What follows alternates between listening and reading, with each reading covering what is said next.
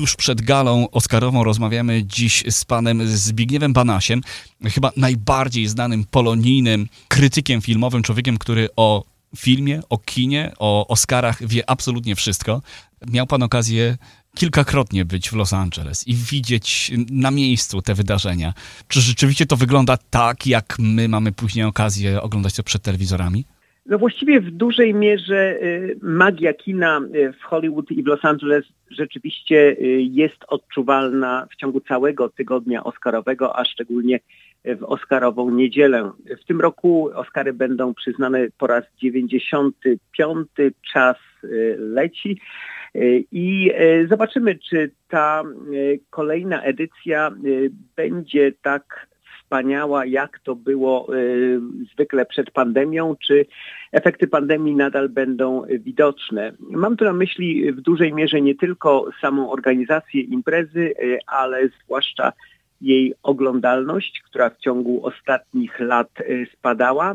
No a w tym roku wygląda na to, że Amerykańska Akademia Filmowa stara się dołożyć wszelkich starań, żeby Oscary powróciły do dawnego splendoru. E, czy tak będzie, przekonamy się w niedzielę. No my, widzowie, zdecydowanie na, na to liczymy. Im lepsze show, im bardziej widowiskowa gala, no, tym zdecydowanie lepiej dla nas. Wspomniał Pan o, o Akademii Filmowej.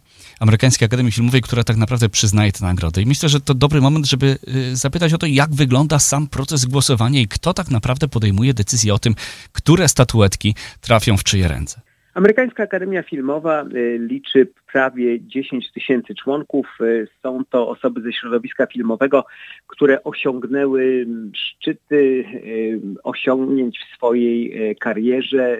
To są reżyserzy, aktorzy, producenci, i właściwie każda specjalizacja filmowa jest reprezentowana. W ciągu ostatnich lat przyjęto o wiele więcej osób e, z różnych części świata, e, również osób młodszych. E, ta grupa jest w tej chwili bardziej chyba zdywersyfikowana niż kiedykolwiek. Końcowe głosowanie zakończyło się 7 marca. Teraz trwają podliczenia i właściwie oprócz kilku osób nikt nie wie, kto w tym roku e, zdobędzie statuetki, ale być może będziemy e, świadkami zmian generacyjnych w Hollywood bo jednak kolejne pokolenie, które staje się coraz silniejsze ilościowo, e, to pokolenie, które może mniej ceni sobie tradycyjne wartości kina, a bardziej te, które wypływają i z doświadczeń związanych z grami wideo i z ogólnie rozumianą e, popkulturą. Mówię o tym e, między innymi dlatego, że w tym roku wielkim faworytem do nagród e, jest film Everything Everywhere All at Once tytuł, który łączy w sobie najróżniejsze gatunki filmowe, taki miszmasz science fiction, dramatu rodzinnego, kina akcji, kina walk azjatyckich, e, wszystko wszędzie naraz. Tak brzmi polski tytuł tego filmu i oddaje de facto jego specyfikę. To jest film zrobiony przez 30-parolatków dla pokolenia 30-parolatków, ale coraz więcej członków Akademii to są właśnie ludzie młodsi. A zatem e, jeżeli ten tytuł w tym roku rzeczywiście zdobędzie większość znaczących Oscarów, na co się zanosi, to będzie to dla mnie odzwierciedleniem y, dużo większej niż nawet rok czy dwa lata temu siły młodszego pokolenia. Na liście filmów nominowanych do tej najbardziej prestiżowej nagrody, nagrody za najlepszy film, jest aż 10 tytułów. Kto poza Everything, Everywhere and All at Once y, ma szansę na, na zdobycie tej głównej nagrody? Wygląda na to, że właściwie żaden inny konkretny tytuł wielkich szans nie ma. Tak przynajmniej twierdzą fachowcy z Las Vegas, hmm. bookmacherzy, którzy przyjmują zakłady. Na drugim miejscu znajduje się e, film The Banshees of e, Inisherin, e, czyli Duchy Inisherin, ale to na bardzo odległym drugim miejscu, tak jakby nikt nie wierzył w to, że ten film albo którykolwiek inny ma w rzeczywistości szansę y, na wygraną. I właściwie y, chyba y, triumf Everything Everywhere All at Once jest przesądzony. Ten film zwyciężył w głosowaniach wszystkich gildii amerykańskich i producentów, i reżyserów, i aktorów, i scenarzystów. Ale z drugiej strony, dwa tygodnie temu, kiedy przyznano nagrody Brytyjskiej Akademii Filmowej, i tam również faworytem wydawał się być tenże film, Nagrodę za najlepszy tytuł roku zdobył y, inny film, y, mianowicie All Quiet on the Western Front, niemiecka produkcja, również nominowana do Oscara. A zatem niespodzianki mogą się zdarzyć, ale jeżeli się wydarzy inny werdykt niż zwycięstwo Everything Everywhere All at Once, to będzie niespodzianka. W kategorii mm, najlepszego aktora mamy bardzo ciekawą sytuację, bo wszyscy nominowani to debiutanci na tej liście. A kto według Pana ma największe szanse na y, zostanie najlepszym aktorem? Debiutantów w tym roku jest wielu. We wszystkich kategoriach aktorskich jest nominowanych 20 mm, osób i mhm. aż 16 z nich to debiutanci. E, może powiem to jeszcze raz, aż 16 z nich to e, debiutanci. Wśród panów rywalizacja sprowadza się do dwóch nazwisk. Brendan Fraser za rolę w filmie The Whale i Austin Butler za kreację w filmie Elvis. Wygląda na to, że wygra Brendan Fraser, e, ale jeżeli statuetkę zdobędzie Austin Butler, to nikt nie będzie zaskoczony. Podobnie jest wśród pań. Za role główne prawdopodobnie nagrodę otrzyma albo Kate Blanchett z filmu Tar, albo Michelle Yao z filmu Everything Everywhere All at Once.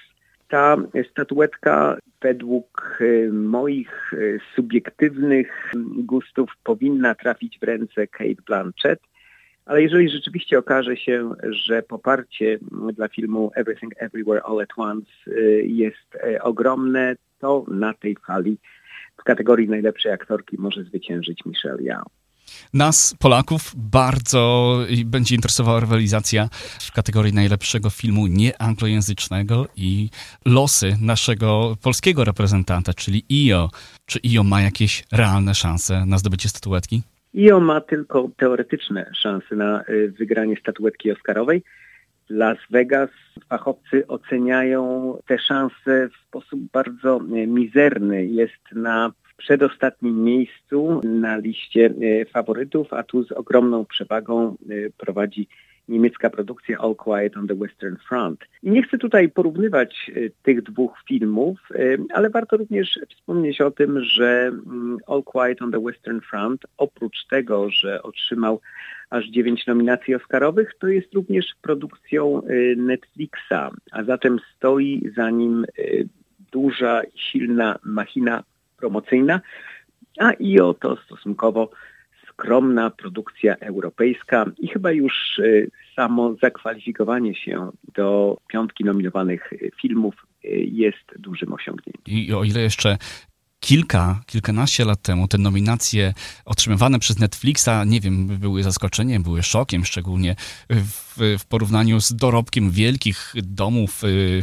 producenckich, domów filmowych w tej chwili Netflix chyba jest równorzędnym graczem albo, albo nawet pierwszoplanowym graczem na tej, na tej roli. Jak, jak pan widzi tą sytuację? No i Disney Plus w tym roku również otrzymuje pierwszą nominację. Czy ta równowaga sił zmienia się w Hollywood i, i szale przechylają się w stronę tych platform streamingowych? Na pewno siła y, wielkich y, studiów filmowych zmniejszyła się, a platformy streamingowe czyli głównie Netflix, e, Amazon Prime, e, Apple TV Plus e, i Disney Plus odgrywają coraz większą rolę w Hollywood.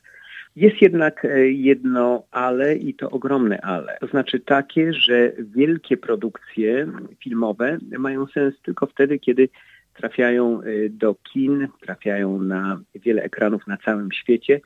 I takie filmy jak Avatar, The Way of Water, czy Elvis e, czy też Top Gun Maverick e, właściwie nie, nie mają szansy na sukces finansowy, gdyby powstawały tylko dla potrzeb streamingowych. A zatem na dłuższą metę potrzebna będzie e, symbioza pomiędzy produkcjami robionymi w wielkim formacie dla kin przez duże hollywoodzkie studia, ale y, różne niszowe potrzeby w dużej mierze będą y, zaspokajane przez streamingowych producentów y, typu Netflix.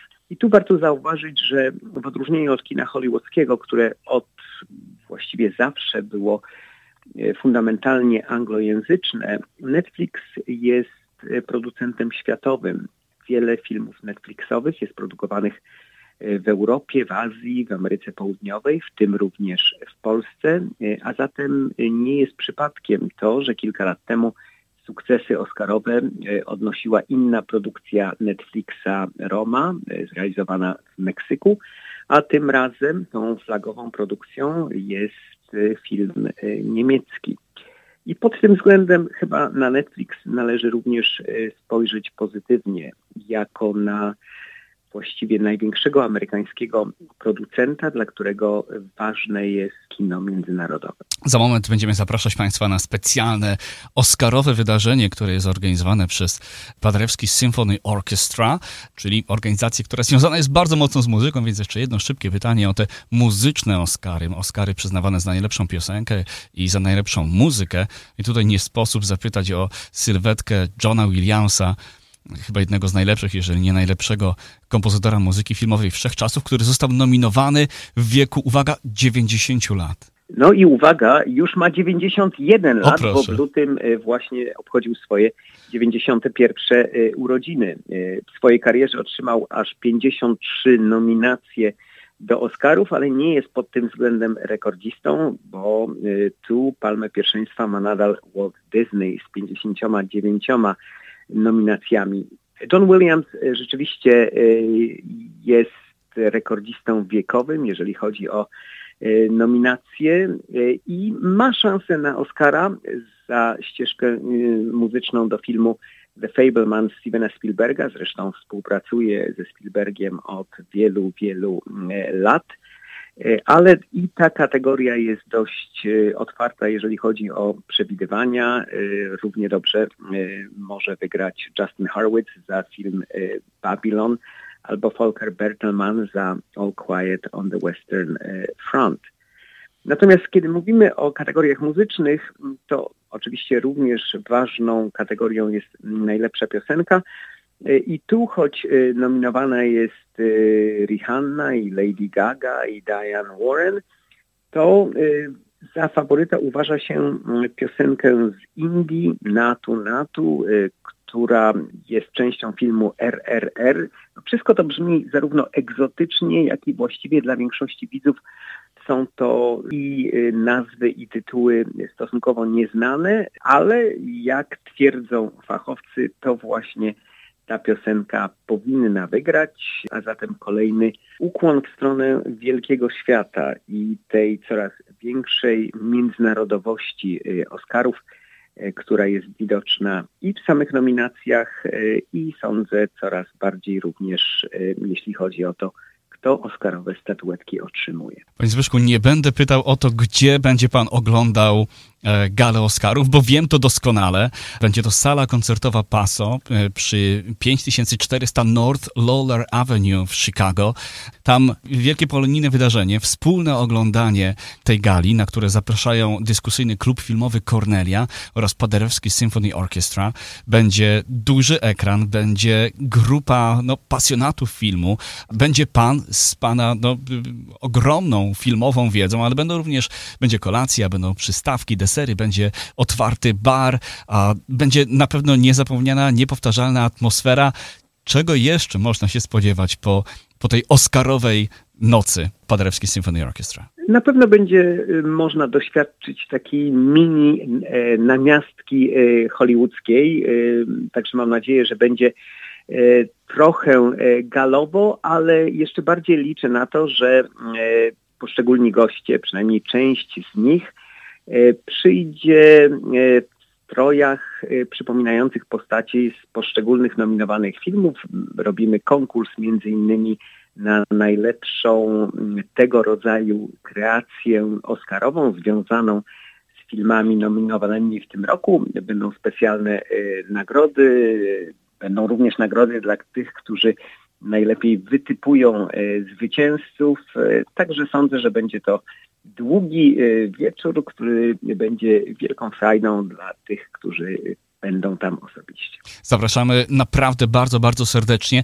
Bilety to jedyne 60 dolarów. Myślę, że to minimalna cena, żeby znaleźć się w tak doborowym y, y, towarzystwie i żeby doświadczyć tego, tego y, hollywoodzkiego, tej namiastki, tych hollywoodzkich gal, poznać wspaniałych ludzi, porozmawiać o filmie, podzielić się naszymi obserwacjami. Bilety, drodzy Państwo, można zamawiać pod numerem telefonu 773 467 9000. 773 467 9000. Całkowity dochód z tej imprezy również zostanie przeznaczony na Paderewski Symphony Orchestra, więc to kolejny powód do tego, żeby się tam wybrać. Drodzy Państwo, naszym gościem był pan Zbyszek Banaś. Serdecznie dziękujemy za rozmowę. Dziękuję również i do zobaczenia w niedzielę. Przynajmniej mam nadzieję, że zarówno widzowie, jak i środowisko dziennikarskie dopisze.